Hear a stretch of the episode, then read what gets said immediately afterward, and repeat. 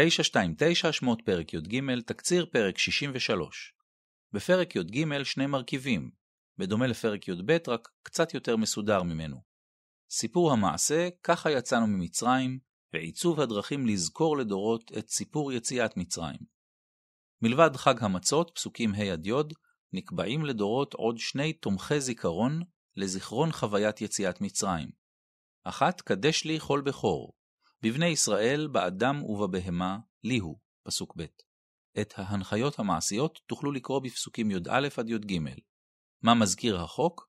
אם קראתם את הפרק הקודם, הבנתם בעצמכם, ואם והיה כי ישאלך אבינך מחר לאמור מה זאת, פסוק י"ד, תוכלו לספר לו כי הקשה פרעה לשלחנו, ויהרוג אדוני כל בכור בארץ מצרים, פסוק ט"ו. 2. והיה לאות על ידך, ולטוטפות בין עיניך, פסוק ט"ז.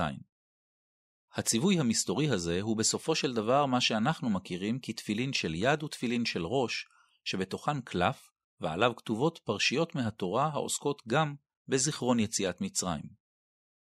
וכעת למסע עצמו המתרחש בפסוקים י"ז עד כ"ב.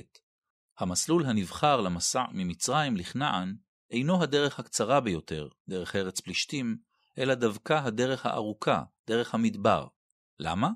עם העבדים היוצא ממצרים עוד לא בשל להתמודד עם איומים.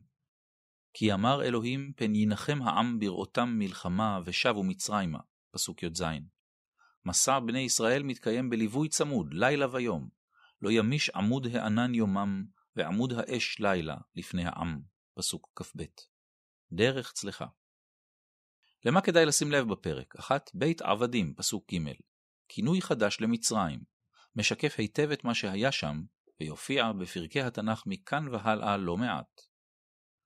למה כדאי לשים לב בפרק 2? בחודש האביב, פסוק ד'.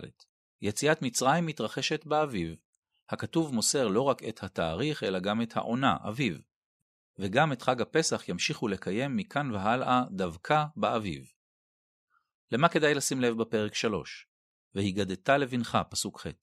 העברת הסיפור מאב לבנו היא המפתח לשימור הזיכרון. הבנים ושאלותיהם, והאב ותשובותיו, מופיעים בכמה מפסוקי יציאת מצרים, ומשם אל ארבעת הבנים בהגדה של פסח. למה כדאי לשים לב בפרק 4? חמושים? וחמושים עלו בני ישראל מארץ מצרים, פסוק י"ח. מה זה אומר? מצוידים בתחמושת? מסודרים בחמישיות? רק חמישית מכל קהילת העברים במצרים? לפרשנים פתרונים. ולמה כדאי לשים לב בפרק 5? הבטיחו וקיימו. משה ובני ישראל לוקחים עמם את עצמות יוסף, ממש כפי שהבטיחו בסוף ספר בראשית.